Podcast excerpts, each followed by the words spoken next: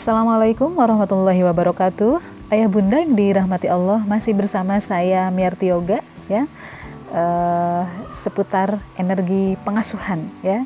Kali ini saya hadirkan satu tema ya. Saya hadirkan satu judul meski satu rahim. Oke. Okay? Ayah bunda yang dirahmati Allah, seolah setiap anak dari urutan pertama hingga anak bungsu itu auto sama ya kita mematok dan menyamakan mereka sebagai saudara kandung yang memiliki satu style yang sama, satu hobi yang sama, satu kebiasaan yang sama, satu pola yang sama. Nah, jika tipikal anaknya masih serumpun, misalnya sama-sama periang, sama-sama menyukai musik, sama-sama jago grafis, sama-sama senang bicara, itu sih tak masalah ya. Tak jadi soal. Yang menjadi masalah adalah ketika si kakak itu tipikalnya introvert, kemudian si adik ekstrovert. Ketika si kakak itu pasif sedangkan si adik itu ekspresif, ketika si kakak lebih anteng dengan dunia gambar, sedangkan si adik lebih senang ya dengan dunia presentasi, dengan dunia bicara, public uh, speaking begitu.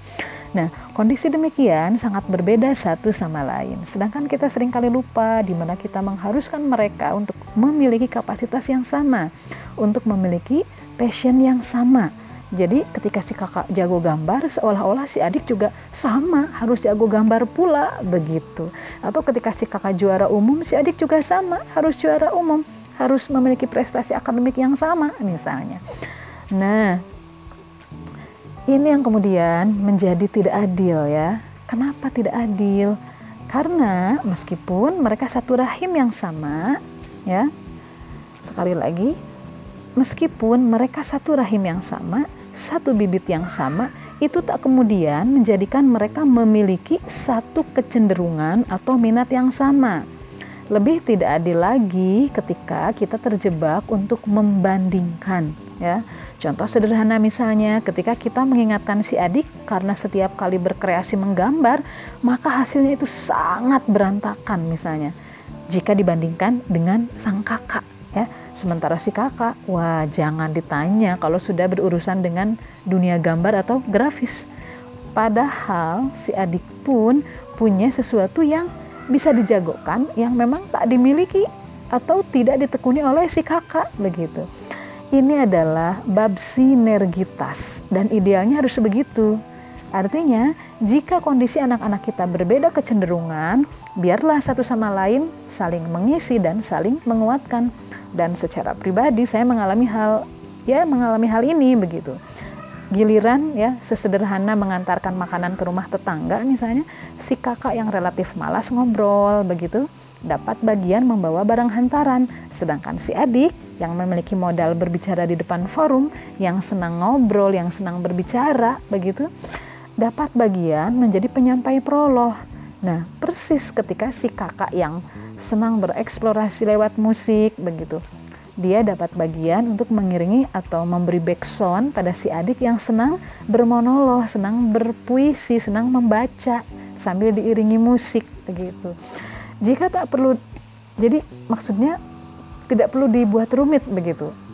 Sudah biarkan ya perbedaan itu berkembang dengan utuh di setiap masing-masing pemilik kecenderungan ya jadi tanpa harus kita saling membenturkan ya antara si kakak dengan si adik begitu ya kecuali memang ya keduanya satu gaya atau satu minat ya dan yang cukup prinsip dalam hal ini adalah bagaimana mereka dengan segala rupa perbedaan tetap berada dalam konsensus atau kesepakatan yang menjadi norma agama dan keluarga. Artinya apa sih kok harus berada dalam konsensus? Pertama, apa pun perbedaan minatnya, anak-anak kita secara kompak adalah bagian dari generasi yang taat pada Tuhannya, yang sadar diri akan kewajiban sholat dan rukun Islam. Ya, yang kedua, apa pun kecenderungan anak-anak kita, kesantunan itu tetap menjadi modal yang beririsan di antara mereka. Mereka tetap wajib punya skill tentang cara menerima tamu, cara menyahut dan cara menyapa, cara meminta maaf dan memaafkan begitu. Jadi hal yang standar tetap harus dimiliki sama-sama begitu. Yang ketiga, apa pun perbedaan bidang yang ditekuni, mereka tetap sama-sama harus berbekal istiqomah menjalani setiap proses. Oleh karenanya, yuk kita patok sebuah standar bekal keterampilan untuk mereka. Pertama, bekal keterampilan dasar, ya. Yang tadi tiga poin disebutkan itu bekal keterampilan dasar, ya. Mereka punya ketaatan, mereka punya kesantunan, mereka punya keistiqomahan. Yang kedua, bekal keterampilan khusus. Apa itu keterampilan khusus? Keterampilan khusus itu meliputi hal-hal ya yang uh, sesuai dengan kecenderungan, minat, passion begitu ya Eh, kecakapan pribadi begitu. Jadi, yuk bismillah kembali kita tafakur ya, ternyata hal yang mungkin pernah kita anggap receh gitu ya. Ternyata ini prinsip ya. Belum lagi jika kita tanpa sadar membandingkan mereka dari sisi fisik atau semacam body shaming begitu. Misalnya si kakak tuh berkulit putih, cantik pula. Eh, si adik mah kulitnya gelap, giginya berantakan pula begitu ya. Atau misalnya ah si adik mah kalau disuruh-suruh teh mau aja. Gampang. Eh si kakak mah boro-boro ya. Allah ciptakan mereka dengan masing-masing bekal nalar atau afidah.